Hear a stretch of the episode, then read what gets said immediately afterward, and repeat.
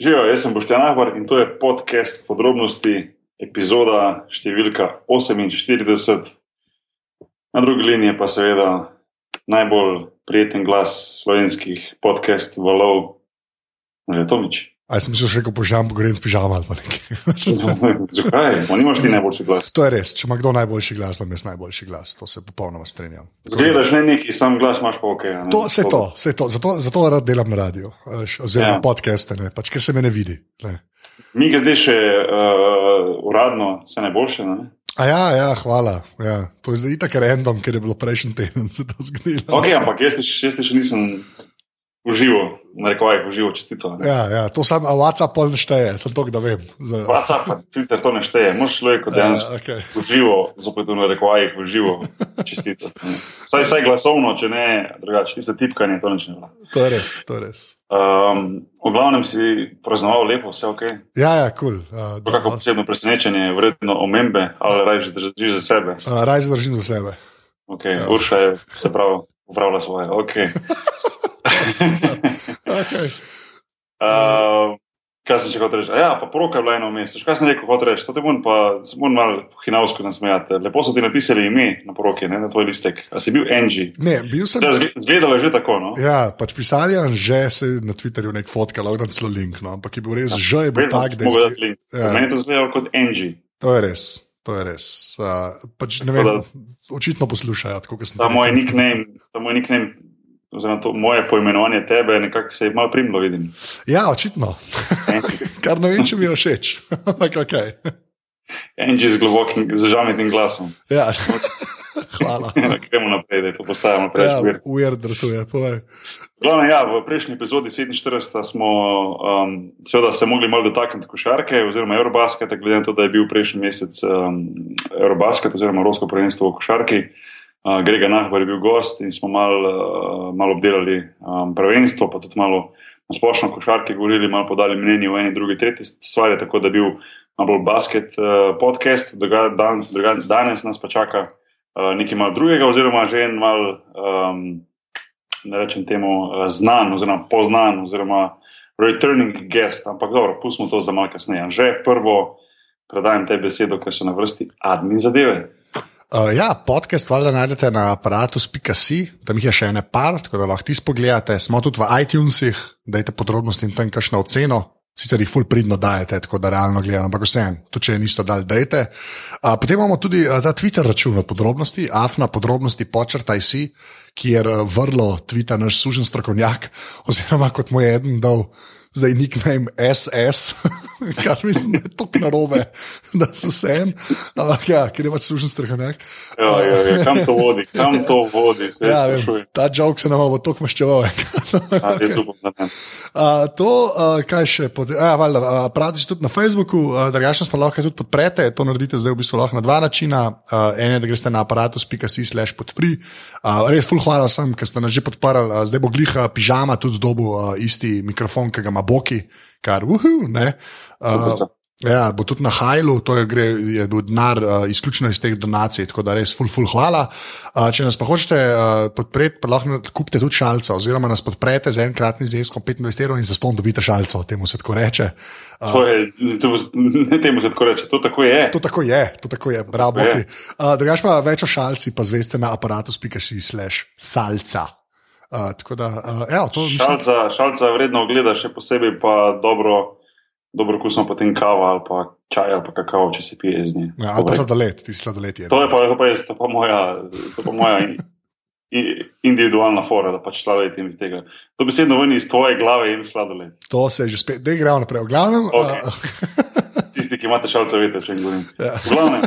Um, Uh, inače, sem to rekel še v mojem imenu, ful hvala vsem, ki na tak ali drugačen način pomagate. Uh, predvsem pa tisti, ki date besedo naprej tem našem podkastu in omrežju Apparatus. V glavnem, um, Anže, te danes ti ne poje gosta. a ja, Malo se te preseneti. Ja, da imamo malo. Ja, že, že spet je nazaj, ne, se temu reče. Ja, Ta- spet nazaj. Ne, vem, ne, ima, je to final ni, ker je prenašalec uh, ponovadi slabih vesti, ne. ampak ajde. Ja, eh, drugače je eh, z nami že spet uh, Boštjan, uh, Bošti, ne, Videmšek, oziroma tretji Boštjan, kot počasi ratuje ne, na ja, Ja, aparatu neverjetno. smrežine. Če še ki četrti nas javi. ker vidim, da nas je kar nekaj. Ja, napol v bistvu, ne, ne, ki je bil na live. Ne, Neverjetno. No. Ja, sami poštjani, kar je res uver. Okay. Ampak, uh, ja, tako da, ja, nič, bo, boš ti bo. Ne. Zdaj Pa, mislim, da moraš ti reči, da štartamo zadevo, pa pa začnemo. Ne. Uh, ja, smo vse povedali, So? pa pa štarti zadevo.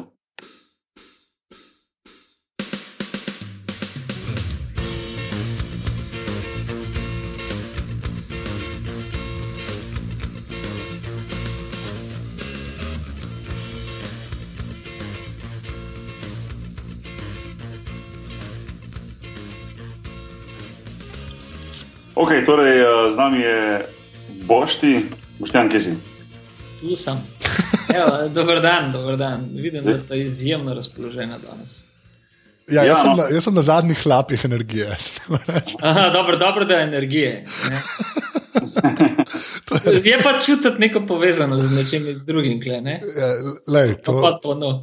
ja, ne, to sam uh, na poroki si nismo glih gledali. No, tako rekel, pač. Zato je poroka. Ne? Ja, se to je res. Ja, to je res. Uh, okay, pa, Tak sem, že jaz ne poznam takega, da bi bil nek heavy alkoholik. pa ne, se to ni, sem, to so dolenci, stari, to ne moreš. A, dolenska, Ja, ja, ja. ja. Ja, ja, dolenska je special place. Tako da, Okay, okay. uh, to je posledica mojega glasu danes. Ne, dobro, dobro, dok- dokaj dobro se držiš, če je bilo to kritično, ampak ok. ja. Um, Glavno, ja, uh, z Boštjanom smo se zadnjih nekaj tednov pogovarjali, da bi naredili ta podcast. Boštjan se, za tiste mogoče, ki ne veste, vsake tok uh, vrne na, na, na podrobnosti, da, da nekako govorimo o tistih aktualnih temah, oziroma vse skušamo govoriti o tistih aktualnih temah, ki se dogajajo, uh, dogajajo v svetu, take teme, ki so res, uh, bom rekel, malo se smešno sliši, ampak ajde recimo vredne omembe oziroma vredne o njih govoriti. Um, prvi vrsti nas, nas zanimajo, v drugi vrsti pa se mi zdi, da so tako pomembni, da da, da, da se je treba malo ustaviti, ustaviti, umiriti in se pogovoriti o teh stvarih. Um, tako da smo poštenom že, že večkrat imeli zanimive pogovore. Um, jaz rečem, da je prinašale slabih novic zato, ker predvsem govorimo o realnih zadevah, kaj se dogaja v svetu. Se pravi, nekako ne, ne lovimo metulčkov, pa, pa se igramo, ko se pogovarjamo, ampak dejansko govorimo o stvarih, ki so v svetu in poštejan se mi zdi, da je en tak človek, ki zna to um, zelo na tak realen, doskrat na krut način predstaviti oziroma povedati zgodbe. Tako da boš ti hvala, da si si spet uh, vzel čas, da, da se z nami malo pogovoriš. Hvala vama, pure pleasure. Kje smo te, kje smo te zelo, zdaj si doma, verjetno? Ne? Ja, zdaj sem doma nekaj dni. Um, je pa res, da je letošnje poletje in tudi pomlad praktično v celoti uh, posvečena begunskemu vprašanju, oziroma sem od točke A do točke dvojni V resnici dal celo begunsko pot, tako imenovani Balkanski koridor čez. Um, preživel, mislim, preživel tudi del uh, te sredozemske poti, Sicilija, Lampedusa in to. In uh, potem, ko nastaja knjiga v zvezi s tem, moderni Exodus, uh, se odpravljam ta teden narediti samo še zadnjo, mokajočo zgodbo. No? Um, to pa je ključna zgodba za razumevanje časa, po mojem, v tem trenutku, smagleri, trafikari ljudi v Turčiji.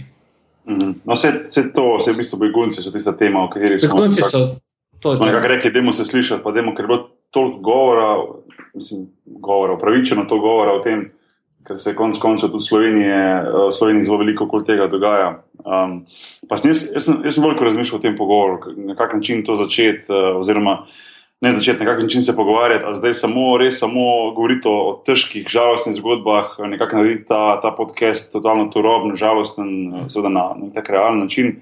Ali pa probati nekako vseeno najti neke svetle točke znotraj tega. To pa zato, ker se mi zdi, da jaz, kako berem, pa kako gledam, kako poslušam, uh, je, je normalno pač ogromno teh žalostnih, žalostnih zgodb, uh, slabih zgodb, uh, negativnih zgodb, uh, kregarije po internetu med ljudmi.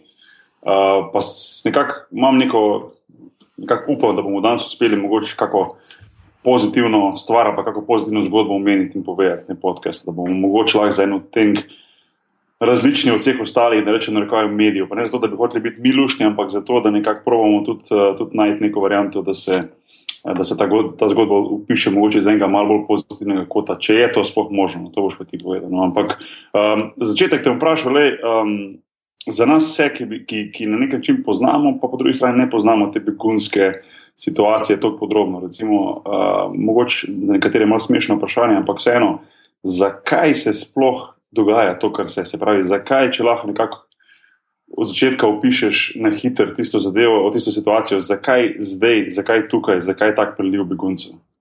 Okay. Ful sem vesel za obe stvari, ki si jih omenil. To, da iščemo pozitivne, uh, pozitivne zgodbe. Ne? Uh, nekaj tudi samo tako za začetek, ne? rad bi, da to naprej to zgodbo speljimo tudi v točno to smer. To je v moji novinarski karieri, pa tudi koncu v življenju, ena najbolj navdihujočih, najbolj impresivnih zgodb, ne? ki vsebuje toliko volje do življenja, toliko humanistične podstati, toliko borbe, že, toliko borbe, želje, motiva in neke čistosti, kot nobena zgodba do zdaj. Uh, zato že več tednov zelo intenzivno fokus dajem svojih zgodb in poročanj. Na, ne bom rekel samo primere pozitivne prakse, ne samo tega, kako ljudje pomagajo beguncem, ampak tudi dejansko, kako so se ljudje začeli na novo postavljati življenje iz nič, iz ruševine noge. No? Ampak o tem kasneje. Uh, eno morda najbolj pogosto postavljenih vprašanj uh, v zadnjih mesecih, recimo dveh do treh mesecih, je, uh, what the hell, zakaj ravno zdaj, zakaj ravno toli, toliko, zakaj, zakaj ravno danes, zakaj ravno tu. Stvar je matematično in preprosto razloživa. Um, Sirska vojna, dobro, zdaj imamo še ta, bi rekel, ruski bonus, ne, vstopa v svojo poslednjo fazo. Vsaka uh, sklepno odločilno fazo. Vsaka državljanska vojna, to iz naših prostorov ljudje zelo dobro vemo, je v svojih sklepnih odločilnih fazah daleč najbolj krvava, najbolj tragična. Um, po štirih letih in pol konflikta uh, je trenutno na begu v resnici zelo malo ljudi od tega, koliko ljudi bi si želelo biti na begu. Ne? Ampak kljub temu, je, kaj, kaj ti večina ljudi si tega bega preprosto ne more privoščiti. Ne? Zato velik del beguncev, sirskih beguncev, ustaja in bo še dolg, dolgo časa ustal ujet v begunska taborišča in ne samo begunska taborišča sosednjih držav, Turčije, Jordanije, Severnega Iraka in predvsem Libanona. Uh, tisti ljudje, ki pa so na poti, so pa na poti v tem času iz več razlogov. Eden izmed razlogov je, da turška policija, turška vojska, turka, turške obveščevalne službe uh, in seveda tudi, predvsem, turški underground, organizirani kriminal, preprosto odpira meje in niti z ničemer ne ovira. Uh, ne tih otapskih, ne bi rekel čisto spontanih begunsko-imigrantskih poti. Drugi razlog, ki je popolnoma spregledan, je pa zelo tehničen in zelo pomemben. Uh, po volilni zmagi Sirize, konec januarja lani, po prvi volilni zmagi Sirize, uh, je prva Ciprusova vlada absolutno in na stežaj odprla svoje meje proti Makedoniji. Ne, to je bila zelo vprašljiva meja, zelo tesno varovana, tudi polit, dolgo časa politična, še vedno politično sporna meja, preko katere se je samo sporadično nekaj sirskih beguncev prebilo. Um, Grčija je dobivala nekaj denarja pod vlado, nekdanjo, nekdanjo vlado nove demokracije, dobivala nekaj denarja za to, da je varovala uh, svoje meje in po drugem Dublinskem sporazumu, ki predvideva, da se prosilce za azil, ki se jih dobijo v neki drugi državi, vrne v Evropski uniji, vrne v državo, v katero so Evropsko unijo vstopili. In vse ti ljudi je Evropa, v najširšem smislu, Evropa vračala v države prihoda. To pa so po vrstnem redu Grčija, Italija in Malta. Ne? In Grčija je že tako socialno, ekonomsko, politično razdražena in na nek način obobožena, je dobila na, na svoj, svoja pleča še begunsko-migransko breme. Ob tem je bilo v Grčiji 100 tisoče, ne, po nekaterih podatkih 1,4 milijona uh, ekonomskih migrantov iz Afrike, iz Srednje Azije in tudi iz Jugovzhodne Azije. Uh, in velik del teh ljudi v času krize, ali pa vsaj v zadnjih 4-5 letih, praktično ni mogel priti do dela in je životaril na ulicah različnih grških mest. Uh, ko se vse skupaj uh, poveže z, tako bi rekel, to je imigracije, so bile v zadnjih letih sezonski šport, če sem malce vulgaren. Uh, in tudi naprej bo verjetno tako, ampak vendar. Ne? Ponovadi to traja, je vrhunec uh, poti proti Evropi preko morja od sredine aprila pa tja do sredo oktobra, morda začetka novembra, ko je sredozemlje mirno. Ne? In uh, tudi letos je bilo tako. Za razliko uh, od prejšnjih let, pa so seveda številke neskončno poskočile usporedno, teče uh, zgodil se je neke vrste clusterfuck na, na tej tako imenovani balkanski poti. Ampak ta balkanska pot je pa odkar je začela delovati, zgodaj spomladi, s tem, ko je uh, sta potem še najprej Makedonija, najprej Srbija in potem Makedonija uvedla tako imenovani 72-urni pes, s katerim lahko begunci prosto prečkajo državo. Ne? To pomeni, da lahko uporabljajo tudi sredstva javnega prevoza in ni treba pešačiti in kolesariti, kot so to počeli do, mislim, do 1. junija. Uh, je vse skupaj izjemno pospešilo uh, promet proti Evropi. Ne, to je bil to čas, ko mačarska meja še ni bila zaprta in je bilo relativno zelo hitro, in glede na hm, ekonomijo, vojno ekonomijo, kot je rečem, ki vlada na, uh, na tržišču, na trgovine z ljudmi, uh, tudi relativno poceni. Ne, to je zelo relativno. Mogoče priti prid iz vojne, direktno iz vojne do recimo uh, olimpijskega stadiona v Münchnu. In vzpostavil se je najprej neuraden koridor, pot, ki je delovala, ki je šla vem, recimo, um, iz sirskega Lepa preko nadzornih točk in podkupnin do Turčije, iz, uh, ponovadi do Kilisa, Gazijante, pa in potem uh, do sredozemskih, dveh sredozemskih mest, ali Izmira ali Bodruma. Iz Izmira uh, je najbližje do Lesbosa oziroma kraja Metilini na otoku. Iz Bodruma je najbližje do Kosa. Kos in Lesbos sta z naskokom najbolj oblegana otoka. In od tega so konec maja, začetku junija, začelo prihajati res veliko število, res veliko število predvsem sirskih beguncev. In uh, grške oblasti tega preprosto, tudi lokalne oblasti, niso mogle obvladovati in so se odločile za tako imenovani fast track. Fast track, ki je še vedno neuraden, ampak še vedno deluje. Fast track, ki velja izključno samo za sirske begunce, uh, oziroma v zadnjih tednih, glede na, na rekovajih, povečan promet, se je to razširilo tudi na afganistanske, iraške in tako naprej. Uh, Uh, s tem fast trackom se je začelo, kot rečeno, v začetku junija, pro, uh, s različnimi trajekti in tudi potni, drugimi potniškimi ladjami proti Atenam uh, prepeljevati ljudi iz otokov, seveda, da se tudi razbremenijo otoke v času vrhunca turistične sezone, edinega pravega grškega biznisa. Sploh. In uh, potem iz Aten proti Solunu, mislim, ladje so pluli pred Pirejo, spirejo v Atene, iz, Solu, iz Aten v Solun, iz Soluna na obmejno mesto in domeni na grško-makedonski meji, tam naprej eh, z vlakom iz Geogelije oziroma Džođelja, kot smo rekli, nekoč do Prešava na srpski meji in iz Prešava Beograd, sever Mačarska in potem Avstrija, Nemčija. Vmes je pa zgodil ta zavoj proti Sloveniji po zaprtju, zapr Hrvaški in Sloveniji po zaprtju meje. Na drugi strani pa, na drugi strani še ta podatek, pa bomo utihnili za nekaj časa. Uh, Sam da imamo ta breku, gre se od stalne zgodbe. Usporedno no. uh, pa vsi skupaj pozabljamo, ne, zato ker je veliko bolj kompleksna zgodba in nevarnejša in dražja, tako ali drugače za begunce, tudi za nas, da bi jo pokrivali.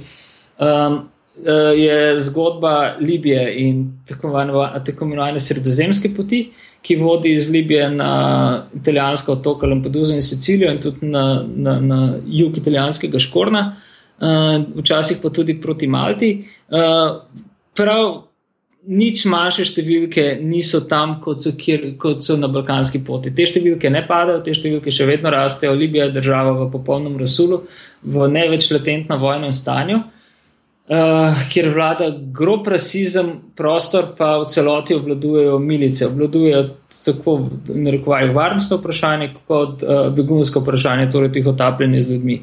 Um, hkrati pa tam potekajo zelo grobe oblike modernega suženstva. V Libijo prihajajo ljudje po neverjetnih poteh, večina seveda preko Sahela, preko neskončno nevarnega Sahela, underreported Sahela, na enega najbolj suhih in nevarnih predelov sveta in tudi najbolj kaotičnih prostora, kjer se. Do, dobro poznam, dobro poznam. Seveda, čas. Sem malo, ne, malo šalil. Ja. Ne, ne, ne, ne sej, to je to. Ja, mm, ja, ja no, se si prav povedal. Ja. To je prostor hudega spolnega nasilja nad ženskami in otroci, ki prihajajo v te kempe. In, uh, prav bi rekel, človeko lastništva. Uh, In uh, od tam pr praktično nimamo nobenih zgodb. Edine zgodbe in edini moj stik s tem prostorom dejansko so izpovedi, izpovedi beguncev in predvsem begunk, ki so neskončno tragične. Te ljudje nimajo toliko medijske pozornosti, kot jih imajo recimo sirski begunci. Lih to sem hotel reči, ja, da je v bistvu to, kar malo zdaj poniknilo, oziroma se malo pozabilo na vse te libijske begunce, kot je bilo recimo prej govora, predtem, da je v bistvu udarila ta, Tako je. uh, ta, ta val no, teh sirskih beguncev. Naprej je bilo skozi to govora, veš, ne vem, se potopil čovn, se potopila ladja, veš, Libija, gor, Libija, dol skozi. Zdaj pa naenkrat, kot da bi prišel to ploščo, pa na nekaj drugega, ker je pač to zdaj v narekovajih popularno, ne, sploh pri nas, ker se je pač v bistvu ta val skozi Slovenijo zgodil. Ne. Mislim, da je bolj, ful bolj profan razlog je za to. Okay, popularno je postalo zato, ker je dostopno, ne? ker je na nek način se zgodba, grobo rečeno, udomačuje, blizu je naš, na nek način postaja naša, ni več eksotika. To, kot mi je rekel pred parimi dnevi Uroš Dokal, mariborski humanitarec, uh, ki veliko dela s sirskimi begunci, uh, kar naenkrat so sirski begunci iz televizijskega zaslona uh, izstopili na obrežje. Ne? In uh, to, to, to se je zgodilo nepripravljeni Sloveniji, ne, ki pa vse čas živi, živela v hodniku ne, in uh, bi mogla vedeti, kaj se bo zgodilo. No. V glavnem, ja. na zgodbo Libije, Sahela, predvsem beguncev iz sub, subsaharske Afrike, uh, resnično ne smemo pozabiti. Hkrati pa še vedno del sirskih beguncev v Evropo prihaja preko Sahela. In to je popolnoma ne preko Libije, Sahela in Libije. To je popolnoma neverjetna pot. Čak, sem, sem te prav slišal, sirski begunci preko Sahela. Tako, tako, tako. Pismo. To, je, to je pa res dejansko uno, pač smotano smešen, okoloriti v žep. A veš, kaj mislim? Ja, preko, že že ne, samo drugače se dolgo časa ni dalo. Ne? To so tisti mm. bolj, bolj, bolj revni begunci, ne? ki so se ujeli na tej poti, ki so na tej poti mesece in mesece. Ne? Zdaj je povprečno od 20 do 25 dni. Ko zapustiš serijo, če se ne vem, nekdo, pa ima malce sreče, vlada logistiko, nekje na severu serije odloči, zdaj se bom priključil temu begunskemu valu, lahko v Nemčijo prideš sorazmerno varno v recimo 3-4 tednih. No? Mhm. To sem te vprašal, e, kak je ta time frame? Veš, recimo en štarta iz Sirije, koliko rabi, da pride recimo do Nemčije, koliko je ena taka poprečna doba, koliko, koliko časa človek potuje dejansko brez strehe na glavo, brez. Uh, nekega toplega obroka, recimo tu pa tam vmes, uh, ne vem, za, za tam malimi otroci, ki nimajo hrane, ki nimajo vode, ki nimajo plenic, ki, uh, Uh, a veš, ki ne veš, kaj bo jutri, recimo, koliko traja ta muka, da dejansko človek, družina, otrok pride potem iz točke A na točko B. Veš, in, in to nisem imel tega, tega, nisem imel tega občutka. Recimo, kaj, en mesec, recimo, kaj si rekel. Ja, neuraden rekord, to mi je prejšnji ponedeljek v celju, ko sem se z njimi odpeljal do. do um, Do Avstrije, ne z begunci na vlaku, mi je nek mlad fant povedal, da je uh, Uh, ko se je odpravljal, ne, je bila njegova ambicija podariti neuraden rekord. Ne? In neuraden rekord je bil uh, sredi septembra 8 dni. Ne?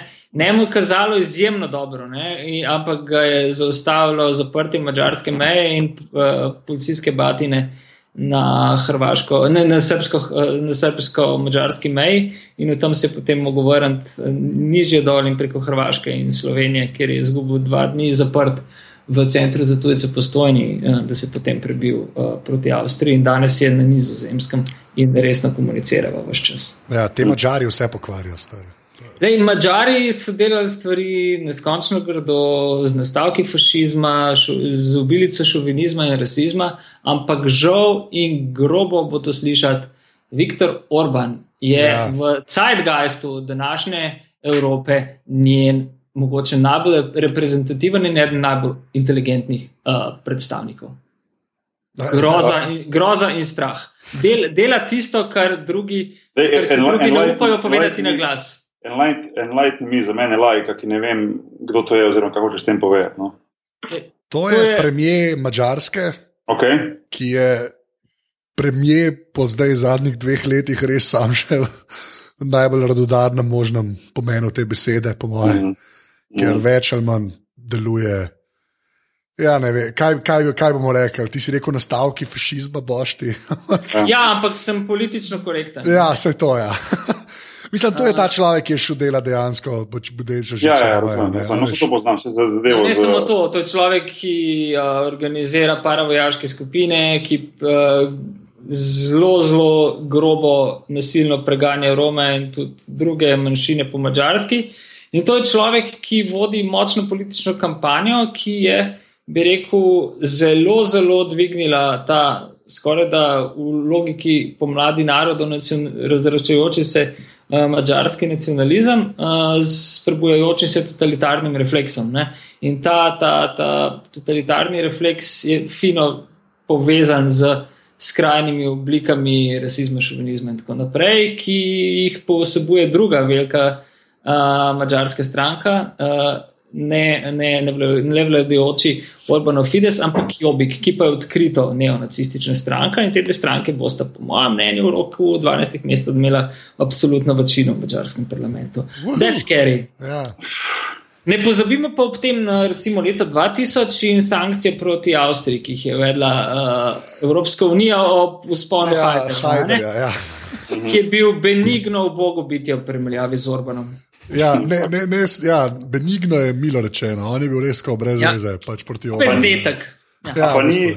A pa ni, uh, prebral sem, ampak res samo naslov, uh, nekje na Twitterju, na, na netu, da ni Mačarska tudi na meji Slovenije nekaj ograje postavila. A bo postavila, je imela namen postaviti, a pa ni bilo čez tega. Postavila je mre, bodečo mrežo in jo, ker je bil to nesporazum, kot so se v politiki obeh strani izjasnili, naslednji dan odstranila. Aha, okay. Ampak poskus je bil, ne? Poskus je bil, po mojem, že malo refleksa, veš, le, le, le, le še ni. Ne? Ja, fakt, to ni več Hrvaška, to je že Slovenija. To je pa Ja. že Schengen, tukaj pa smo, aj jebenti, malo smo šli čez. Ide umaknjen to hitro, da ne morem robe. Tek med zobmi, ja. veš, ide umaknjen hitro. Uh, Še kaj sem nekaj vprašati? Um, večina teh beguncev, recimo, če zdaj govorimo o Siriji, a ne, oni bežijo v Evropo. Oh, bi to vprašal, da ne bom mesec padel in tako, ko, ko Ker ne, ne, ne, ko vprašaš, A veš, si hotel vprašati. Ja, hotel sem te vprašati. Ok, bom te vprašal. Ja, evo, uh, večina teh beguncev, a oni,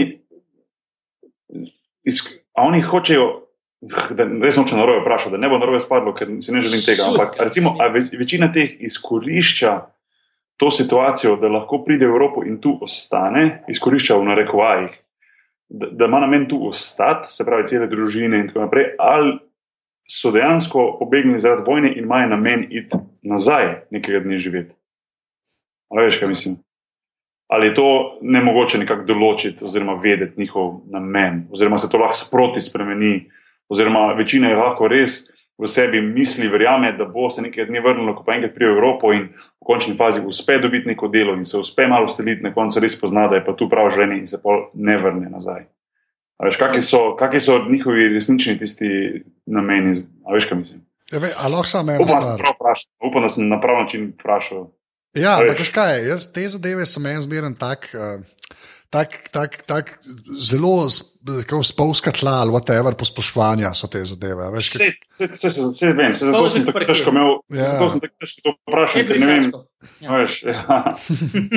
Brisača boš ti tak zletel na ledu, po mojem. Res je, ja. To je res. Sam, sam, je, sam je nam je štalka za gostujoča ekipa. Aha, uh, Uh, Ne, sam, moj point je samo to, veš, da to je zelo tako, to generalno reči. Ja, veš, en folk bo šel nazaj, eni bojo ostali. To je dobro, a veš, zdaj vedeti točno, kva je. Ne. Ja. Je pa res to, kar je Boš ti rekel, da večinoma do Evrope pridejo ljudje, ki so vsaj tam bili. Gremo temu reči, saj relativno dobro situirani, ne? da so si sploh lahko prvoščili to pot. Ne? Unika tam v Turčiji, po teh kampih, No s kolevancem skačejo, ne? oni niso Ja. imeli tudi za ta prvi kombi zaplačati. Recimo, ne. no, ampak sprašujem predvsem zaradi tega, ker kar vidim na netu, kar spremljam, pač je bi ga, ne, mislim, drugače res ne. Pa recimo, če pogledam kakšna poročila, ki so lahko zelo tako ali pa tako, ampak recimo, sprašujem ni zaradi tega, ker se mi zdi, da tudi pri nas, pa, pa tudi v Evropi, večinoma ljudi, ki tu živijo, jih se jih boji, predvsem, da bo ta folk sem prišel in tu ostal, in to je slabo za vse nas, pika. A veš, kaj mislim? ok, fair enough, lej, gremo po vrsti. Ni, uh, legendarna somalska imigrantka in pisateljica, pesnica, ki zdaj živi v Londonu in napisala en krasen, krasen stavek. Uh, nihče si ne želi zapustiti svojega doma, razen če je ta dom gobec morskega psa. Ne? Uh, Ok. Torej, na prvem mestu, ne, nihče ne želi od teh beguncev sirskih, od ljudi iz, od doma, zaradi tega, ker je to njegova izbira. Begunstvo nikoli ni ni izbira, begunstvo si vedno prisiljen. Ne, serija je postošena do tal, še vedno huje bo v tej fazi. Ne. ne smemo pozabiti na to, da je notranje razseljenih več kot 8 milijonov ljudi. V tem trenutku je več kot, v seštevku več kot polovice ljudi tako ali drugače begunstvo, ali znotraj serije ali zunaj serije. Ne. A, kot je rekel že Anžeja, ne, a, ljudje, ki potujejo proti Evropi, si to lahko privoščijo. V grobo rečeno, ne, še enkrat, v grozljivo je reči, da so tisti, ki lahko bežijo, privilegirani, ampak v kontekstu tako krvavega konflikta je to dejansko privilegij. Uh, ljudje vedo, kaj želijo, večina ve, kam hoče, med njimi je neverjetno za evropski orientalističen semirasističen in pokroviteljski pogled na Bližnji vzhod, uh, enormno število uh, visoko izobraženih ljudi. Ne, med njimi je ogromno tudi ljudi, ki so, bi rekel, ready-made za uporabo v nemški avtomobilski industriji, recimo inženirjev. Uh, ni na ključje, seveda, da velika večina, tako rekoč vsi, želijo priti v Nemčijo. Ne. Nemčija jih je sebi dejansko povabila in to ne enkrat. Nemčija se demografsko stara, ruši se demografski režim um, in absolutno bo potrebovalo v naslednjih 10, 15, 20 letih svežo novo delovno silo. Novo delovno silo, ki bo, bi rekel, svojim novim uh, uh, domodajalcem uh, hvaležna in bo za ta verjetno uh, tudi rada volja delala za manj, kot je za. Um, zagotovljena najnižja nemška plača. Tudi te uh, pogovori že tečejo v nemški politiki. Ampak, lej, absolutno prezgodje je za reči, koliko ljudi si bo želelo iti domov. Serija je opustošena, serija vsaj še pet let ne bo prostor, kjer bi lahko se dalo kakorkoli normalno živeti. Vojna še ni končana. Uh, Sunitsko-šitski spor se bo v naslednjih mesecih samo še stopnjeval. To, kar danes gledamo, je dejansko klasterfak in si prav ne upam pomisliti, kako bo serija izgledala čez šest mesecev. In uh, velika, jaz sem naredil 1800 intervjujev z begunci. Ne? Uh, 1800 imam zabeleženih intervjujev. In veliko, eno od vprašanj, ki jih redno postavljam, je, uh, ali si želite vrniti domov. In najpogostejši odgovor je, nikoli ne bi doma šel, če bi, lahko, če bi lahko doma ostal. Seveda, da ja. Vsi želimo domov, ampak v tem trenutku je večina, ki je na poti, željna, seveda priti tudi do službe, tudi za to Nemčija, ki je edina praktično poleg Švedske in sem pa tja, tako smo pockets of resistance, ki je druge v Evropi, še kakšne druge države, ki lahko tem ljudem ponudi delo, plačano delo. Plačano delo, s katerim lahko pomagajo svojim, ki so ostali v seriji. Nikakor pa ne gre za to, tukaj me boli srce in mi razpira pizdeva drobove, ne, za kakršne koli teorije zarote. Te je ta antihumanističen pohod digitalnih pezdetov, ki uh, me sili v zadržano agresijo in vzpostavlja psihosomatske motnje tretje stopne. Ne, ja. Res, gre za preprosto ljudje bežijo iz vojne in seveda, če imajo možnost delati in, se, in potem imeti, kolikor se le da dostojanstveno življenje, bodo za to naredili vse. Vsi mi bi. Ja, Bošte, kaj ti ni jasno, sam ti pisajo, pa vsi imajo telefone, stari, jaz ne vem, kaj ti ni jasno. Ne vem, jaz tega nisem videl. to, Lej, uh, zdaj sem veliko spomnil, pa sem se prej odprl, tako se reče, telefona. Um, da v bistvu, ja, uh, mislim, to itak boš, boš ti najbolj veš. Mislim, mogoče begunce malo, ne vem. Mogoče, ko smo se stanci, oziroma ko jih ne srečujemo, oziroma se tako ne tako ti na tak način, imamo čisto drugačno predstavo o teh beguncih. Veš, da so oni čist brez vsega, kar so, ampak totalno ne povezani med sabo, totalno ne vejo, kam grejo, da samo nekam rinejo, pa še, pa še telefona nimajo roke. Zdaj, mislim, mi živimo zdaj v letu 2015. Ne? Večina jih ve, kam gre, večina jih ve, kako iti. Ja, mislim, ljudje imajo smartphone, ljudje imajo uh, uh, mape digitalne, ljudje vse znajdejo. Mislim, a je, mislim, a je tako. In to, to pa govorim predvsem zaradi tega, ker.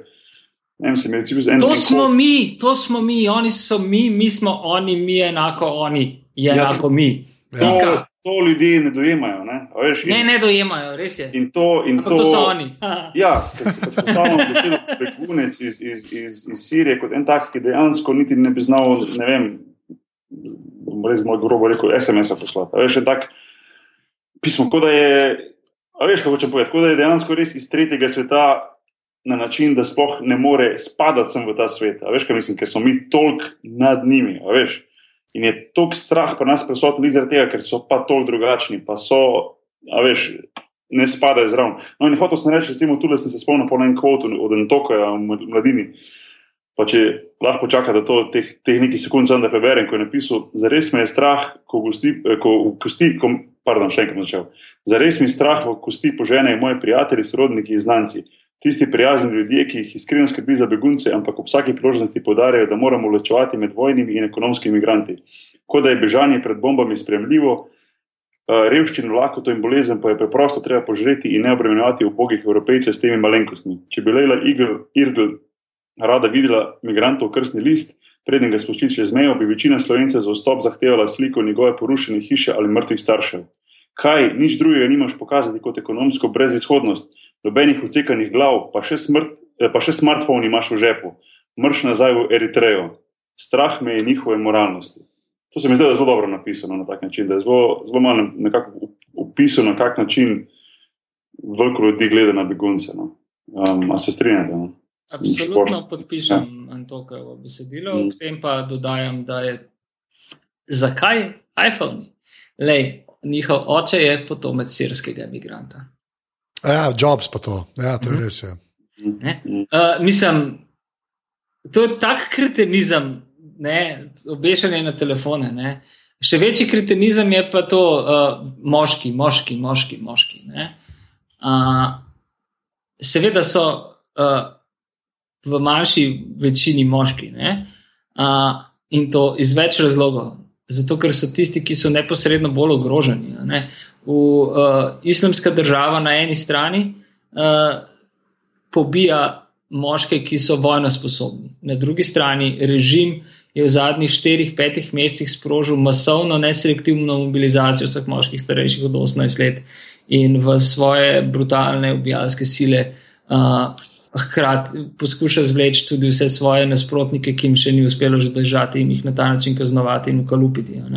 In uh, to je eden od ključnih razlogov, ki je pospešil beg mladih moških. Na tretji strani pa se seveda zavedajo ljudje zelo dobro, da imajo mladi moški veliko mož večjo možnost zaposlitve v ne ravno um, emancipirani Evropi. Mhm. ja, kakšno odlično srečanje. pač, ja. ja, seksizma in begunske krize. Da, ne, ja, ni ja. dobro to. Ja. Ampak ravno, največji seksizem je ravno to, da bi rekel uh, seksistično, torej preko spolov interpretiraš begunsko krizo. Uh, ja. kaj, kaj bi pol bilo tako? Aha, če bi bežali večino ženske, aha, ne, uh, to je nasilje nad ženskami, izgnali svojo državo, delajo državo sami sebi. Okay. Valjda, če so pa, če pa islam, pa kalifat, pa jaz, a, ne vem več, kaj ste. ja, no, sem, evo, zdaj pa, da še malo uno playing devil's advocate. Kako se bi to po slovensko rekel? Že, da ti si vse vedel. Točno tako, kot si rekel. hudiče odvetnik, vse hudiče no. odvetnik. Kaj. kaj pa, kaj pa vsem tistim, ki rečejo, ja, pa zdaj, tako sam rekel, moški, pa islam, pa da, da, kaj pa tisti, ki bo zdaj izkoristili, pa bojo se teroristi, pa pridejo sem, pa da, da, veš. Uh, Moderna zgodovina nas uči, da se teroristi vozijo z letali in metroji. Ja. Ne hodijo peš proti Evropi. Ja. Ja. To, je, to, je, to, je, to je načeloma kar res. To se, do, to se, do, do, dobro si me, si me zabil, odvetnik. In, rev, in revščina je vedno zelo slab in reven, predvsem izgovor za terorizem. Mhm. Ja, ker še enkrat morajo biti organizirani. Ne. Ne, ja. fucking denar moš imeti. No, vse, vse to mislim. No, ja, no, vse, kar je ena ja. organizacija. Tako je, evo, ja. ja. Sej, to, to je bilo nekako moj pamet. Ti delaš biznis, ja, veš. Ej, kaj sem te hodil in vprašati, ker si rekel to, pač te, te tihotapci, pa to, ne, um, ki jih pač na eni točki te poti pelejo, vse vse. Ampak kako to zgleda? Mislim, jaz to ne razumem, kako to zgleda. Kaj je oglasna deska, veš kaj hoče reči? Jaz ne vem, kako se te, te zadeve zgodijo. Kako na eni točki imaš ti 70 ljudi v kombiju, jaz to ne štekam pač. Kako pride do tega, da te povezave, do te organiziranosti? Ja, ja, ja. Lahko dejansko pride kombi za 70 ljudi. Ja. ja, to je naštekan čist, recimo. Tihotapstvo je vrhunec neokapitalizma, ne? uh, ker je potrošnja tako velika, da, pon, uh, da ponudba temu preprosto ne more slediti, ne? kar je nek oksimoron. Uh, in tudi zato praktično nikjer, v nobeni izmed držav, tako ne, zdaj govorimo samo o Balkanskem koridorju, recimo policija ali pa kjerkoli varnostne enote, obveščevalne službe, niti ne more zares raven priti, ker tega je preprosto preveč. Predvsem to govorim recimo za Turčijo. Ne. V Izmiru in Budmu. Uh, Bodrumu, kamor se odpravljam naslednji dneh, pa sem kdaj tudi prej že bil, ne, imaš trgovine, ki so polne reševalnih jopičev. ne, Okay, to sem hotel reči. Ne? To, sem- to se mi zdaj iz jezika vzel. Dejansko imam internetno stran tudi odprto, ki sem hotel omeniti. To je pa fucking šokantno. pizda. Ampak, Mislim- a ni dobro, da ljudem ponujaš reševalne pasove? Ne, ni, zato ker so, ker so fake. Gor piše Yamaha, noter je pa slama, gor piše ne vem kaj, noter je pa pena. In kolegi iz Alžire so naredili test, in so par teh stvari kupili, jih polili vodo, te jebe še vodotesne niso. To pa je mrhovinarstvo, to pa je čisto zlo, po mojem. To je pa, a to si vedel, že si videl to forum. Ne, mislim, čak, to, da niso dejansko imaš, dejansko se bomo dali link. Dejansko, recimo, um, konc koncev, zdaj New York Times, recimo, odprto, čeprav to tega imaš so oni- tisti uh, money Ja, flows in. money flows with refugees Ja, and to, light to je, jackets ja. fill the shops. a Ne, ta, ta, in, Ja, ta, to je naslov. a Ne. In v bistvu imaš dejansko sliko trgovine, nek- zelo taka nobel trgovina, zgleda, kjer imaš na levi strani neke obleke za moške, kravate, tako v izložbi, mislim, ne, zunaj slika trgovina. Na desni imaš pa ti te isto te, te lutkice oblečene v, v rešilne jopiče, a veš.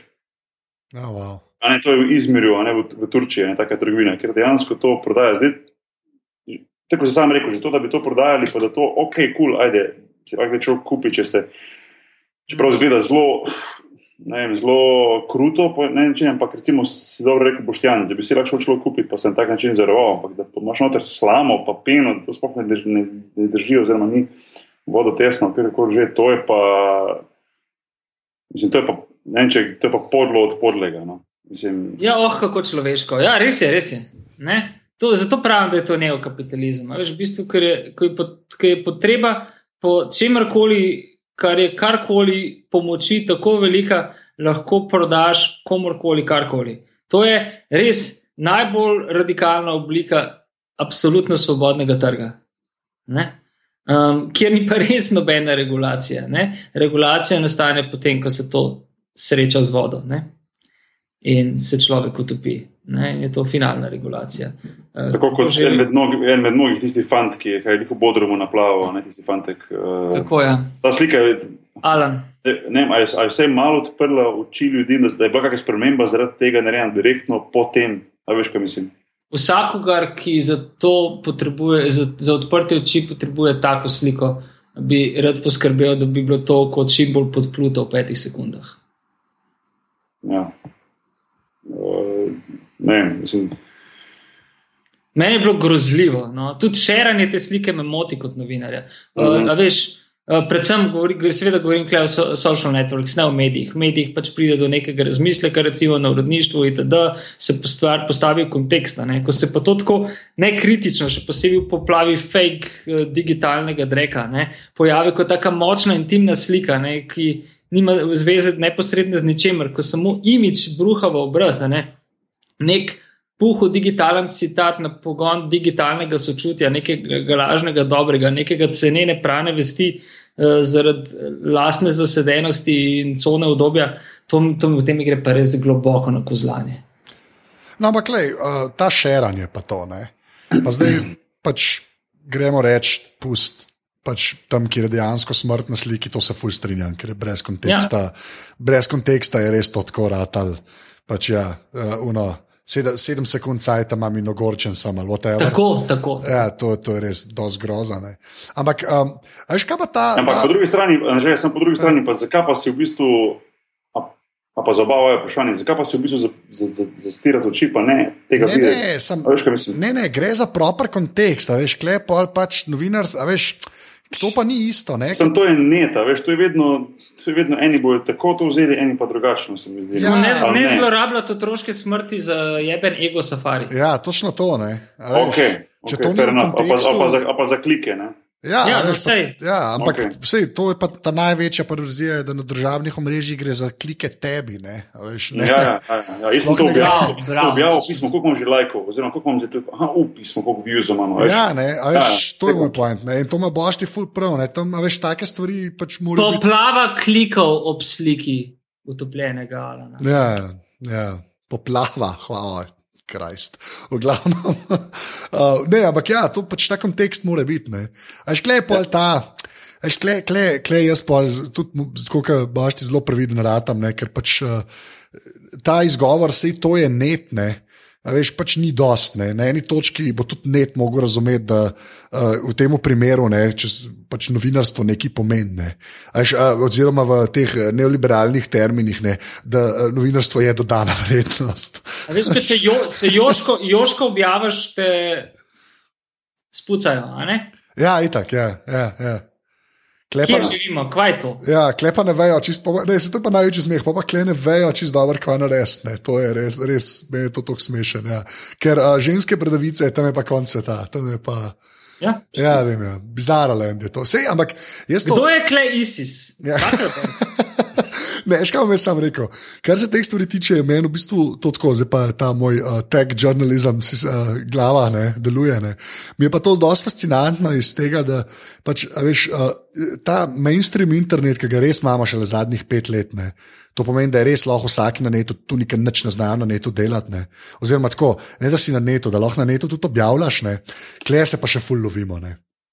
Veš, kaj nekega ekstra ogorčenja še ni bilo, nismo se še nič ni še nobenih uh, vzorcev se vzpostavili. Ne.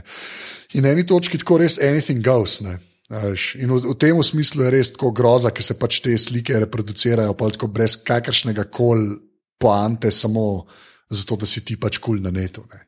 Samo ob mm. koncu dneva smo dejansko vsi šrli, je bilo. Uh -huh. ne, okay, ne, ne, ne, ne, ne bomo. Ne bomo šli, ne, šrli je bilo, to je ena revija, so vseeno, gledaj, to, to bomo že spet tako rabbit hole. Da, Možda ne vemo. Okay. Ja, glavno. Veš, veš. Ne, vse veš, to si jih videl, no, ampak že svi šrli pa to. No.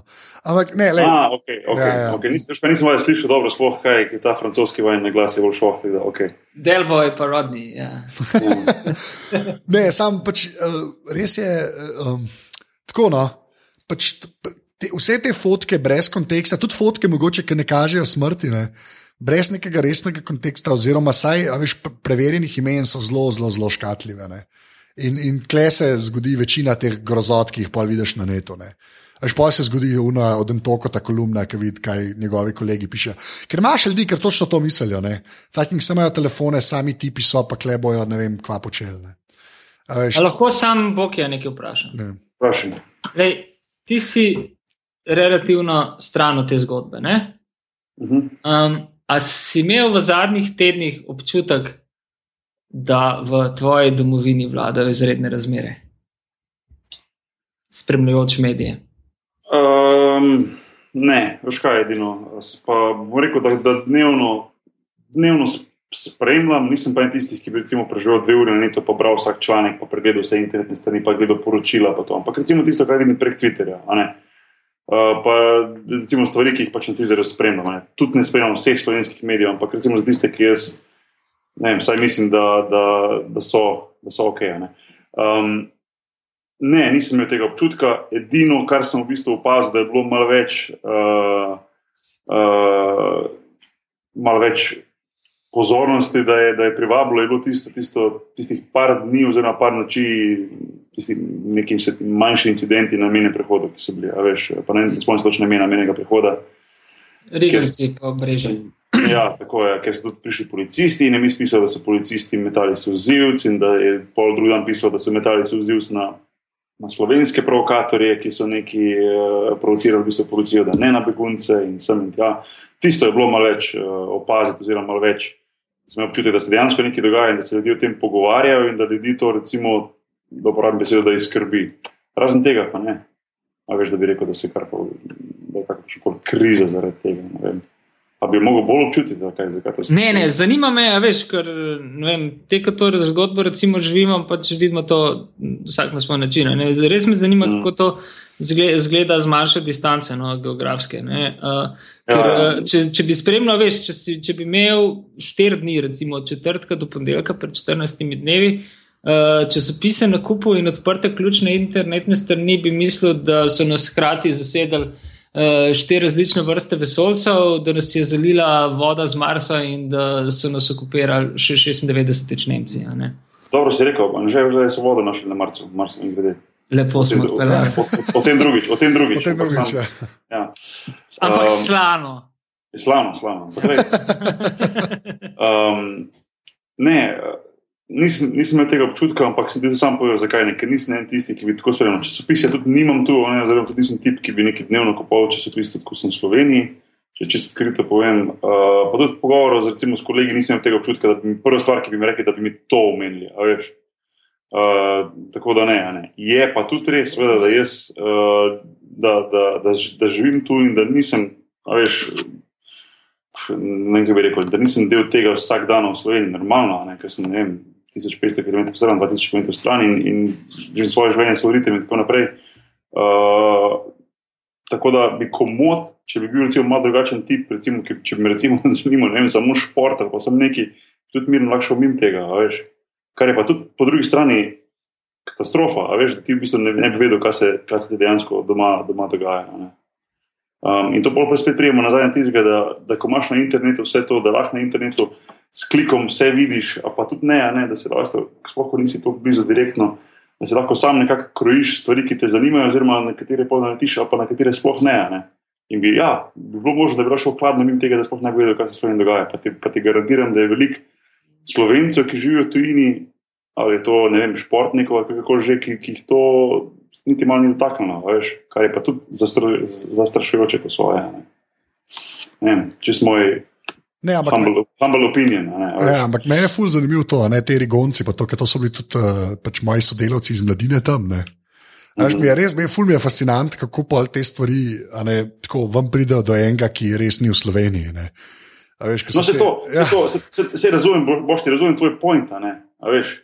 Ker ti spohod reči, da če je karkoli prišlo ven, je spadlo ven, kot da se bo svet podaril Sloveniji zaradi teh beguncev.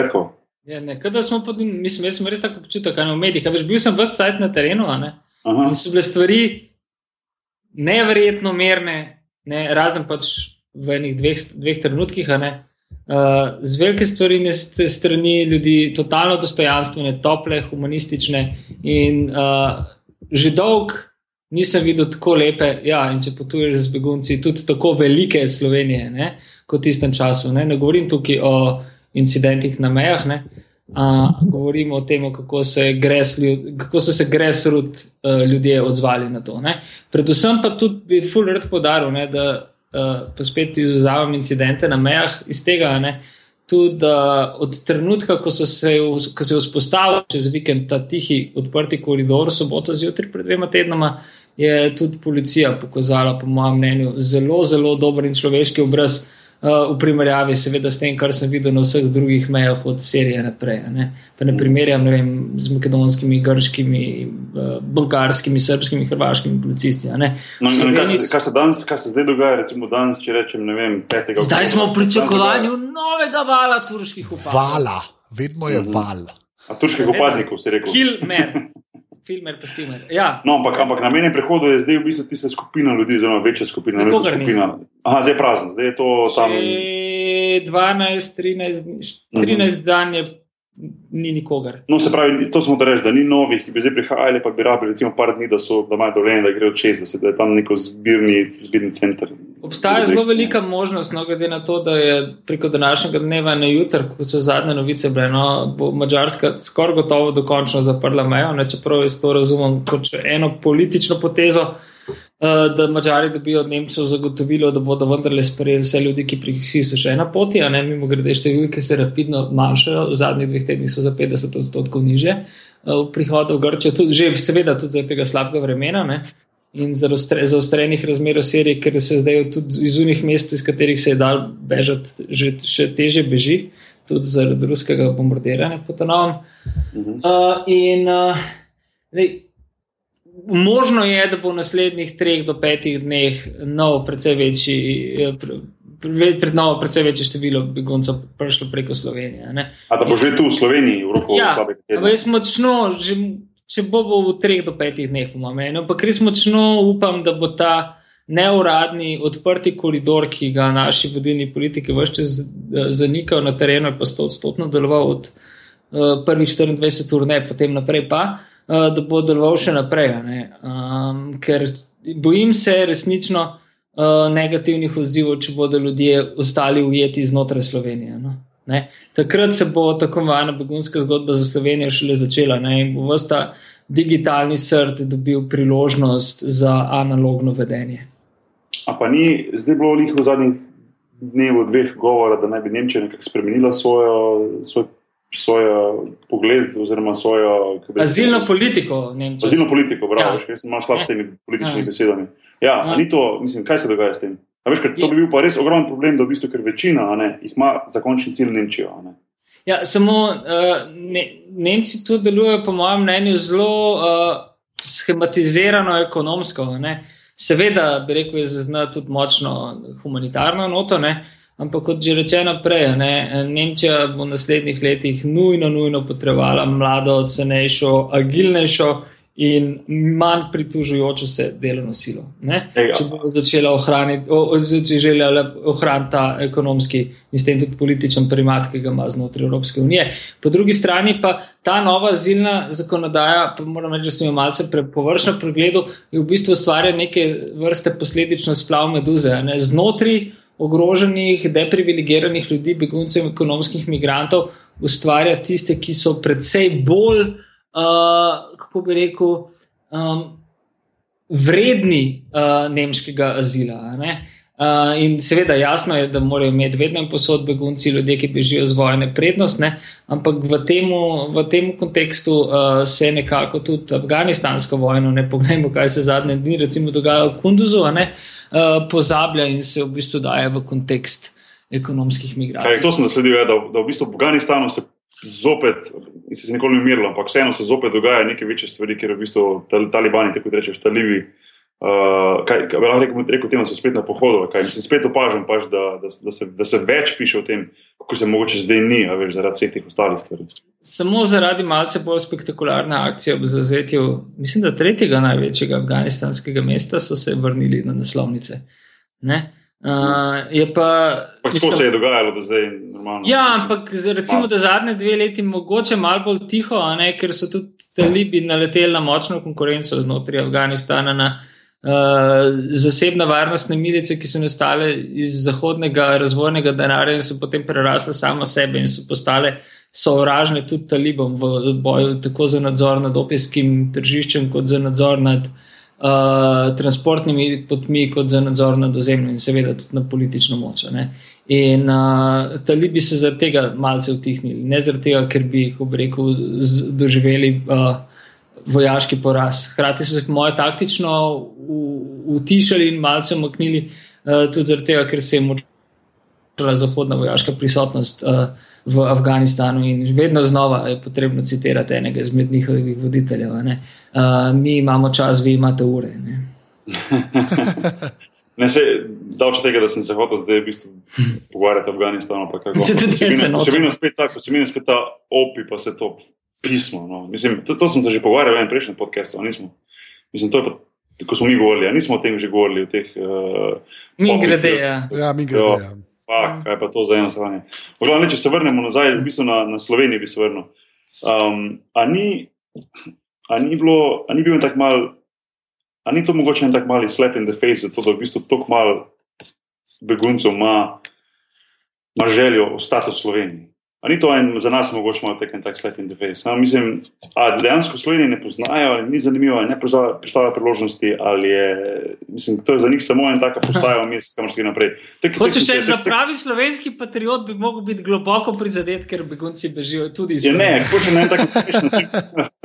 ja, hoče na en tak, ja, evo točno to, tako si rekel. Če malo mal naprej bom šel, uh, ko sem o tem razmišljal, sem rekel, uh, Madonna Slovenija se je počutila, pa, pa da rečem, tako ena punca, če že pač Slovenija kot ženska. Ki jo nihče ne jebe, zelo si. Ja, tako je ena punca na šolskem plesu, ki je doben povabljeno na koncu šolskega plesa, pa tam sama obsedi. A veš, kaj mislim? Pravno, mislim, a je malo teh slap in the face, ker sem pač bral nek članek, ker v bistvu, res, da ne bom procenti govoril, ampak recimo večina, večina, velika večina, ne vem, v zgornjih 90% namerava iti naprej. Da, no, v bistvu, ne, mislim, lej, najprej je ostalo 8, potem 24, največji, ko je bila največja gužba, je uh, ostalo 30 ljudi.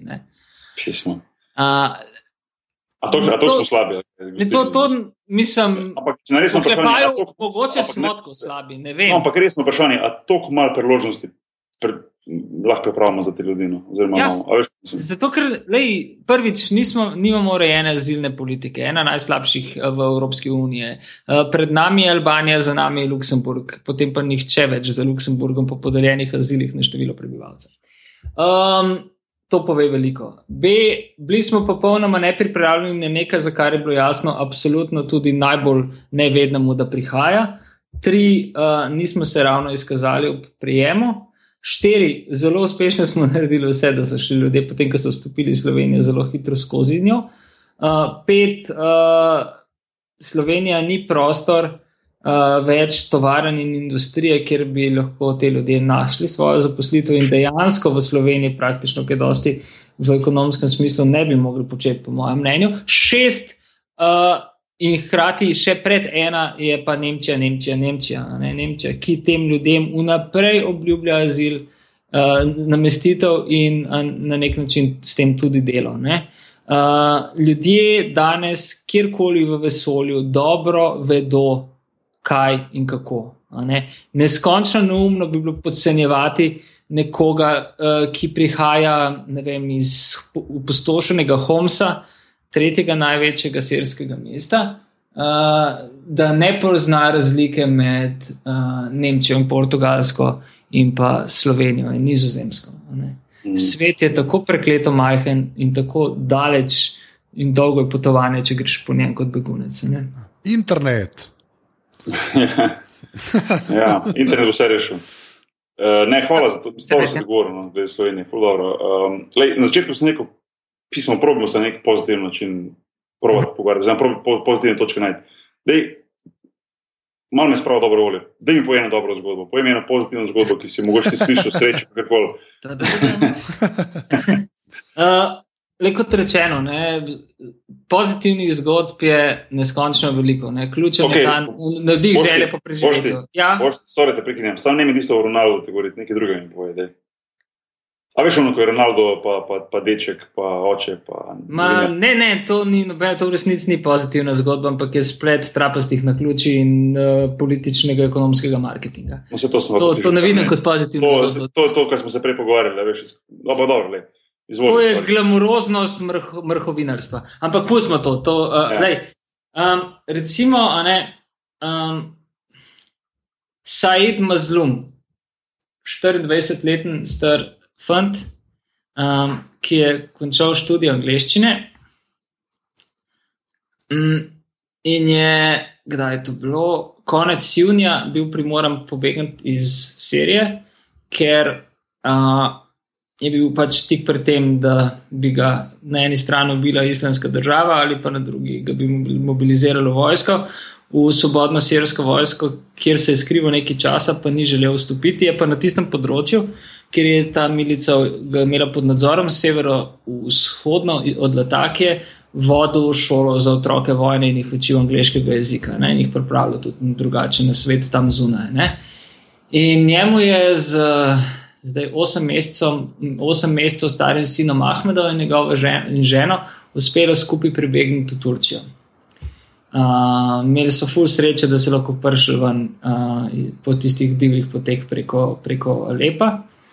In uh, iz Turčije se je on odpravil naprej, um, preko, preko že prej omenjenega Bodruma na Kos. Uh, sabo je imel soliden koš, kup denarja, toliko, da bi si to pot lahko privoščil pospešeno, ampak uh, ker je dober, nežen, etičen in solidaren človek, je ta denar malce podelil s prijatelji.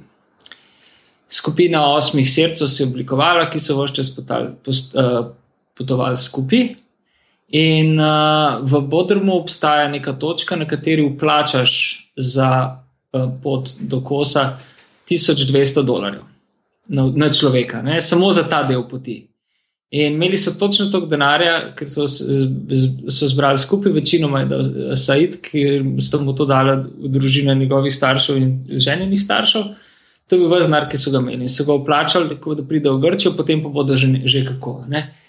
In ko ti vplačeš ta denar, dobiš neko kodo, uh, ki jo poveš tam, kjer se ukrcaš na čovn.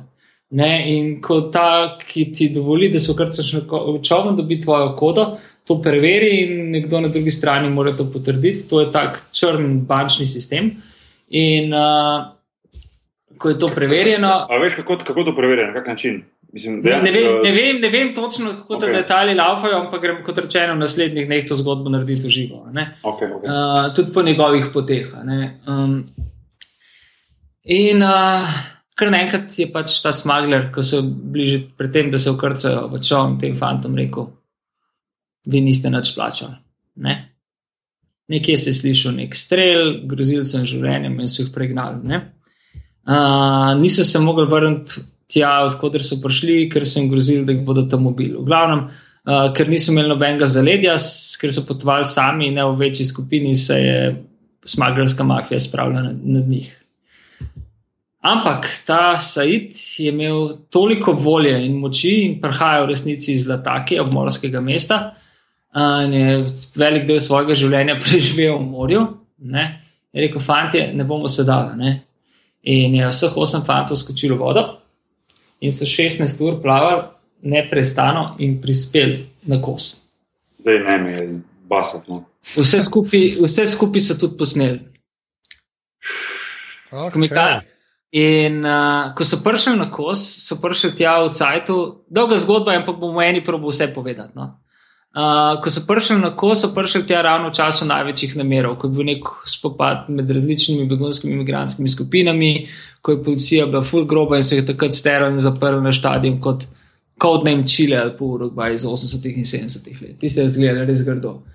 In uh, so jih z vode potegnili in so jih totalno izmučene pretepelke psa. Ne? Ampak se niso dali. Ne? Um, nekako jim je uspel priti na trajekt do Aten, iz Aten do Soluna in do Menja, in tam so se spoznali na grško-makedonski meji.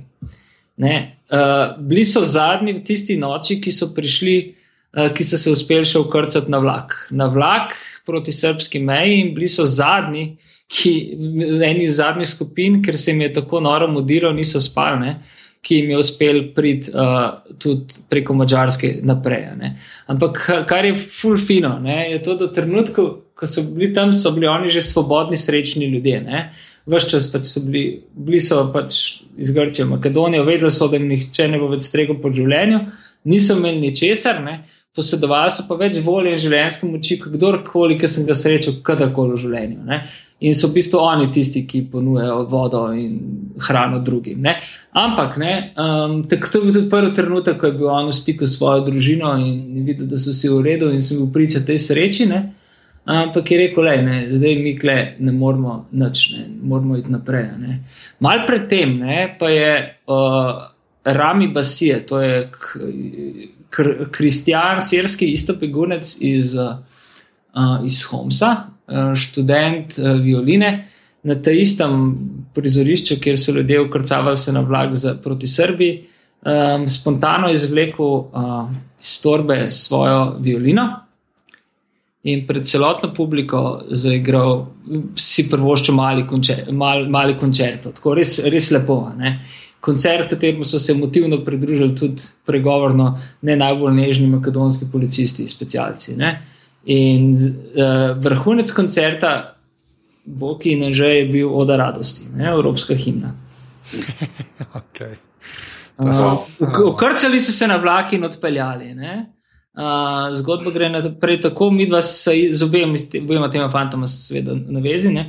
Said se znajde pač na mačarskem, takrat, ko mačarska čiza premeje in je tri dni, štiri dni, mislim, tri dni in štiri noči ujet na mačarski železniški podstaji, nikamor ne morejo, ne. Skozi na vezi nekako nam uspe, da, mislim, človeku se uspe pribiti v Avstrijo in tam v Nemčijo. Ne. In potem samo napiše iz Nemčije po dolgih želitvah in sem kada očesne. Boštjan, srečen človek sem. Mm. Okoli nas pa ljudje jamrajo zaradi najbolj banalnih stvari. Ne? Ja. ne rabim čist več primerov dobre prakse, zato da razumem, kaj je v življenju pomembno in kaj ne. ne? Mm. Uh, ob tem je pa, veš, kar je pa res, če, če, če smo pa če bolj pri konkretnih primerih, urož dokal kolega iz Maribora, ne, ki je v Istanbulu že pred časom odprl, sprožil projekt Jakob s katerim so s, psi, s psihosocialnimi igrami, socialno pedagogiko skrbi za traumatizirane uh, sirske otroke, popolnoma volontersko in dejansko se bori z vsemi močmi za preživetje že skoraj popolnoma izgubljene generacije, pa za njega praktično še noben ni slišal. Takih primerov je enormno veliko. In begunska kriza, če se lahko tako reče, je dobra zaradi tega, ker v ljudeh, tistih ljudeh, ki posedujejo pravi vzgibe, jih na polno nagovarja in jih sproža. In loči zrno od pleve. Ja, zdaj res vsaka čast temu kolegu, pa vsem tistim, ki, ki dejansko aktivno nekaj delajo za to, da pomagajo tem ljudem. No. In to je tudi moje naslednje, v bistvu zadnje vprašanje. Um, ne vem, mogoče ga lahko govoriš, mogoče veš, mogoče ne, uh, boš ti. Kaj lahko, pa zdaj bom rekel, narekovaj, jaz, veš, kaj lahko jaz naredim. Kaj lahko, kaj lahko jaz naredim, recimo, če vam želijo ljudem, ljudem pomagati. Verjetno neka kregarija po forumih, kdo ima prav, pa kdo ne, ni jih najboljša stvar, ne, ker teh ljudi je, po mojem, največ. Uh, kaj lahko naredi en, ki je iz Maribora, en iz Celja, en iz Ljubljana, en, en iz Noga mesta, en iz ne vem. No, le, če smo iskreni, je bistvena razlika med tem, kaj lahko narediš ti, pa nekdo iz Maribora, Noga mesta in Velenja. Ne? Nekdo z javno prezenco, ko to pove na glas, kot si ja, to, strinjam, kot si to naredil v čadu, je nekaj. No, strinjam, to se bo reči. In posled prijemo nazaj tisto, ko smo rekli, najlažje je retweetniti, uh, pa nočemo uporabiti tega, ampak recimo no, sliko od nekoga, ki je. Če, smo govorili, sem dečko, veš. pa sem svoje naredil, veš, deček je pač naplaval na, na, na, na, breg, kaj bi bodro, ali kaj je bil. Mm. A veš, a kaj, jaz sem pa svoje naredil, kaj, jaz, če sem na Facebooku. Svoje si drugol... naredil v tistem trenutku, ko se počutiš, da si svoje naredil, ne glede ja. na to, kaj je to. No, pa hočem reči vseeno, recimo. Mislim, se strinjam, ve, kaj hočeš povedati, ampak vseeno hočeš reči tisti, ki želijo pa aktivno z svojimi rokami dejansko nekaj pomagati. Veš, kaj se v Sloveniji glede tega dogaja? Mislim, če veš, kje so neki zbirni centri, kar nekaj zelo malo. Veliko je tega, ogromno je tega, recimo ja. v Brežicah, na Brežju, v Rigoncih, pred dvema tednoma bilo tega res veliko. Uh mhm. -huh. Skupina uh, No Border uh, aktivistov, uh, ki je delovala v. Zbirnem centru na nekem tem No Man's Landu med Hrvaško in Slovenijo je delala vrhunsko delo od kuhanja do oblačil, do čist neposredne pomoči, do igranja z otroci. Veš, čist taki detajli, ki ti naredijo dan, morda celo teden. Do tega, da so ljudje s totalno toplo besedo, seveda ne vsi, ne, sprejema ljudi, ki so bili preprosto na poti, do tega, da je kolega zvečera ne, uh, v svoj avto dal osem ljudi in jih. Mimo malce nepozornih avstrijskih, na novo uvedeni šengenski meji, uh, uh, mimo malce nepozornih avstrijskih policistov pripeljal uh, na avstrijsko stran. Ne? In uh, ko smo poročali iz Šentilja in zunih krajev, takrat je res veliko ljudi, pobiralo ljudi, ki so peš hodili iz Lenarta, iz tistega nesrečnega imena Črni les. Uh, motela oziroma nekdanjega upokojenskega doma, ker je zbirni center postal, ki so v tem pobirali ljudi in jih uh, brezplačno vozili, seveda volontersko vozili preko uh, um, slovensko-avstrijske meje. Uh, veliko je bilo teh primerov, dobro prakse. Ogromno obstaja neka punca, uh, Gabriela Andrejevska, ne, k, um, ekstremno inteligentno 23-letno bitje Makedonka, ki že od zgodne pomladi vsak dan, kljub temu, da ima redno službo, 6 do 8 ur preživi na menem prehodu, temu črnemu, in veš, se tako predaja tem ljudem. Pomaga, da je to popolnoma nevrjetno. Ne? Ampak je to počela tako dolgo, tako konsistentno, da so prepoznali vsi večji svetovni mediji in je preko svoje prepoznavnosti in borbo postala neke vrste obraz te zgodbe, neke vrste angel te zgodbe, Angie te zgodbe, ne, uh, ki, ki uh, Angelina, ki dejansko nekaj naredi, ne, ki, je, ki je zbrala neverjetno količino pomoči, tako finančne, kot fizične, kot materialne za te ljudi. Uh, veš, zelo hitro se prepozna v teh situacijah, uh, kaj nekdo potrebuje, če želiš vedeti, kaj nekdo potrebuje. Ne. Pa, če je čisto. Uh če ne drugega, daš človeku upanje, kar je pa mogoče lahko odločen moment največ pomembno. Ja, se tako se mu lahko tudi zlažeš. Ne? No, ja. Ful dobro je res. Ja, ja, razumem. Ne, ne mislim z dobro potezo, mislim, a veš, ja. za dobro, ja, zlažeš, ja, no. Vem, kaj misliš povedati, ja. Ne, sem Ja. nek puš. Ne. Ja, to, te stvari- to, te vse to, stvari ne, so vse ful to, simple. veš. Da jim daš nek, nek, eh, nek, nek si rekel, nek puš, nek, nek, nek, ne pomagaš en korak pri poti, da, da, da spet lahko človek zalaufa, če ti mu tako rečemo, veš. Daj, um, Je pa tisti, pomembno, vsak da. tisti, da, da ja. vsak tisti, ki je to dejansko naredil z, z najboljšimi nameni, um, ti si res, ti si res, lahko rečeš, kapo dolno. Ja, globoko Um, spoštovanje. Jaz sem tako, ja. rekel, tako, totalno ganjen sem ob tem, kar sem videl. No. Marsikje. Verjamem, ja. Uh, pa večkrat mogoče celo podcenjujem uh, humanitarnost, ne vem, neko slovensko, če postavimo, kar res ne rad počnem v nacionalne meje. Ne. Ampak ob lanskih poplavah na Balkanu, kar nam je seveda bliže ne, in zato Ja. ja. nas eksotika, ne, uh, se je že pokazalo res veliko srce. Ne, se mi kako to klišejsko zveni. Letos se na politični ravni seveda ni potrdilo, se je pa potrdilo na terenu. Ne, in se pa bojim, ne, da.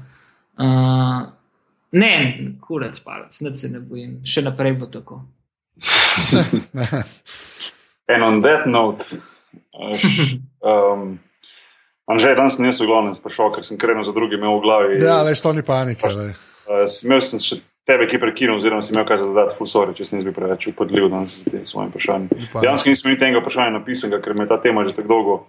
Uh, tako dolgo sem se želel o tem pogovarjati, da je kar, da je kar letelo. No. Uh, Imaš še kaj, Anže, za dodati mogoče? Uh, ne, ne, je bilo kar repsko tole. Ja, res.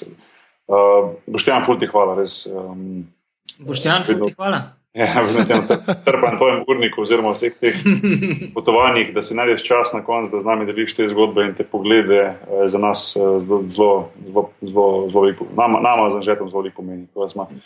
Vedno, vedno napaljeni, ko imamo možnost tebe dobiti za kak pogovor. Um, tako da res Ful, hvala. ful no, pa- hvala, meni to omogoča en tak neobstoječi kanal, mi to odpira. No, Super. da ene stvari pridejo ven, kar si. Ti bi mogel imeti svoj podcast, stari, veš to. To smo se že nekaj pogovarjali. Se, se nekako. Ja. Svoje. Nastaja. Sam rabimo, rabimo, rabimo, rabimo imeti, kot imamo weird zadeve za pižamo. Ne? Ja, bomo, mogli, ja. ime, kako, kako reči temu, ki pride, ki pride bašti. tako da. bomo, bomo, bomo nekaj natuhtali. Ja. Z terena. Z terena. Ste, ste, lepa, ok, tam je še. terena. Bomo Ok. to dali kar za naslov tele, evo, okay, Okay, s terena. Okay. Um, Anže, No, mogoče lahko slikce zamenjati.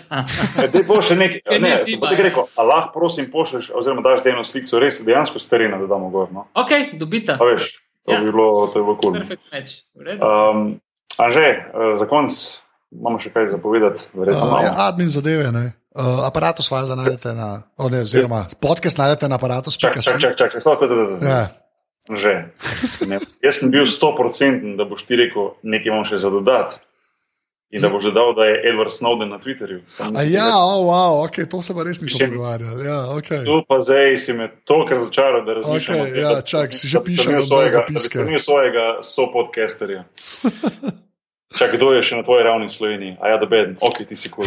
Um, To ti povej, to si ti bil čist napaden na Twitter, ajde povej. ja, veš kaj je? Um, Mene da je presenetilo, ker nisem za neki list sam čakal, bil čisto trnih, a bo Edward Edward Snowden šel na Twitter. Ampak ja, ko je to prišlo, je bilo pravno, wow, ok, on je na Twitterju.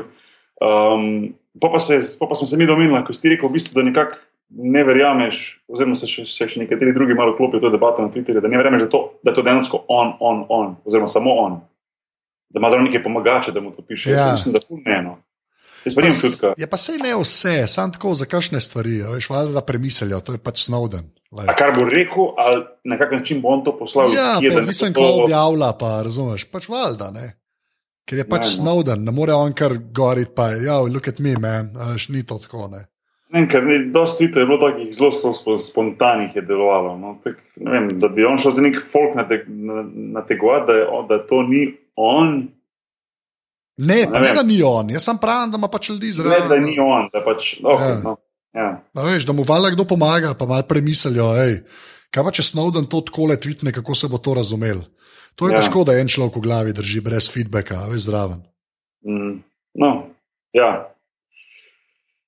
Ne, bo, mislim, tako malo, zanimivo mi je to, no, da, da, da, je, da se je odločil narediti. no. Smisel boš to omenil za to, ampak Ja, štekam je. Smisel, da bo že prej do omenil, sorry, že prej, ko bomo se pogovarjali. Ampak, okay. um, ne, bila je fora, ko je napisal na njegov zadnji tweet: je, I forgot to turn off notifications. Twitter sent me an email for each follow, favorite, retweet, DM. 47 gigs of notification. Lesson, hashtag lesson learned. A ja, valjda, ja, ker dobiš pa za vsako stvar. Ne, pa se... Je itak, ja. Dobra, fora. To bo čistek mi grede, imamo. Um, Glavno, ja, že, sorry, da sem te prekinil, izvoli. Uh, ja, podcast na podrobnosti najdete na aparatus.si. Smo tudi na Facebooku, na tam, kjer smo šli čez 2000, kaj, lajkov, všečkov, jaz ne vem, to ti meniki so mi zmerno smešni. Uh, pa valjda, pod podrobnosti so tudi na uh, Twitterju, afna podrobnosti, počrtaj si, sužen strokovnjak dela, tako da ne skrbeti, more, ker je sužen strokovnjak. Uh, drugač pa, kaj še? Uh, ja, če lahko podprete aparatus, uh, to naredite tako, da greste na aparatus.si/slash podpri. Kot sem rekel, Bok je zdaj na novem mikrofonu zaradi tega, Pižans bo kmalo na novem mikrofonu zaradi tega. Tako da, full, full, hvala. Uh, lahko kupite tudi šalco, to več o šalci na aparatus.si/slash salca, ki je šalca, na kateri je en lik in nobenemu podoben. Ne. Uh, to je res. Nikoli ni bil, nikoli ni bil, nikoli ne bo. Nikoli ne bo. Uh, Drugač pa, bo, boš ti, kje se tebe najde na internetu? Uf, na Facebooku, pa na Twitterju boš ti. Ne? Ja, to je res. Ja. Uh, Tom, na bošti, bo, bo, BOS, et BOS, HTI. Ne? U, tole si pa strašno zakompliciral. BOS, THI. BOS, THI. Boš ti. Okay. Boš ti. Pa, ja, um, Ne, če sem na Twitterju, bo ki nagor. Instagramom zdaj. Ja, to je res, to, to moramo vse. An, že vse premalo lajka moje slike, sem čisto razočaran. To, to je bila šala, by the way. I couldn't, ja, I couldn't ja. care less. Oh, wow, za te pa vseeno, kaj. Okay, pa ne za tebe, ja, pravim, ja, I couldn't care less, glede teh vseh lajkov pa tega. No, veš, kaj mislim. Sam, kaj, Instagram je narejen za to, da se lajkajo slike, to je fora. Ali kako? Ja, no, ja, pa da se slika objavlja, fulje si pa slika. no, ampak pač. koliko več imaš lajkov, bolj si kul, okay. to je isto kot Facebook, variante. ali če se eno. Vse. Al... Vse, ne se sekira, ti samo objavljaj. Ne se, se ne, se sploh ne vem, koliko imam, čakam še tudi lajkov. Um, zadnja slika, ki sem jo objavil, ima. A te zanima že? Me. 125 lajkov. Oh, fancy. A to je fancy. ja, no, ne vem, kaj se, jaz ne vem, koliko ljudi imaš tam. Jaz imam tako 500 ljudi, jaz ne vem. Le, ne vem. Bo videl, kako dolgo bom to furo. Jaz mislim, da bom šel prej bolj na Twitter nazaj preskočil. Oziroma samo na Twitter. Samo na Twitterju je bil. O glavnem, brezvezne debate. Um, hvala sem za poslušanje, pa hvala sem tistim, ki uh, delite naprej besedo na našem podkastu, ki podpirate podcast na tak ali drugačen način. Dajete ocene v, na, v iTunesih. Uh, največ mi pomeni, če folk svojim kolegom, pa, pa svojim familijam, pa kako reče, ta podcast je pa kul. Cool. To je pa tisto za mene, ko je najboljši. V glavnem, ja, Anže, sem še karkoli pozabil. Uh, ne, zdaj bom jaz rekel, uh, tri štiri zdaj, vsi rečemo z terena, za nalaž. Ok, boš ti hvala, ti ful. Ja, pa hvala, ker si že spet leto. Ja. Hvala vam. Aj, uh, tri, štiri. Nisem spal. Ja, ok, wow, demet. Ajde. Tri štiri zdaj, z terena. terena.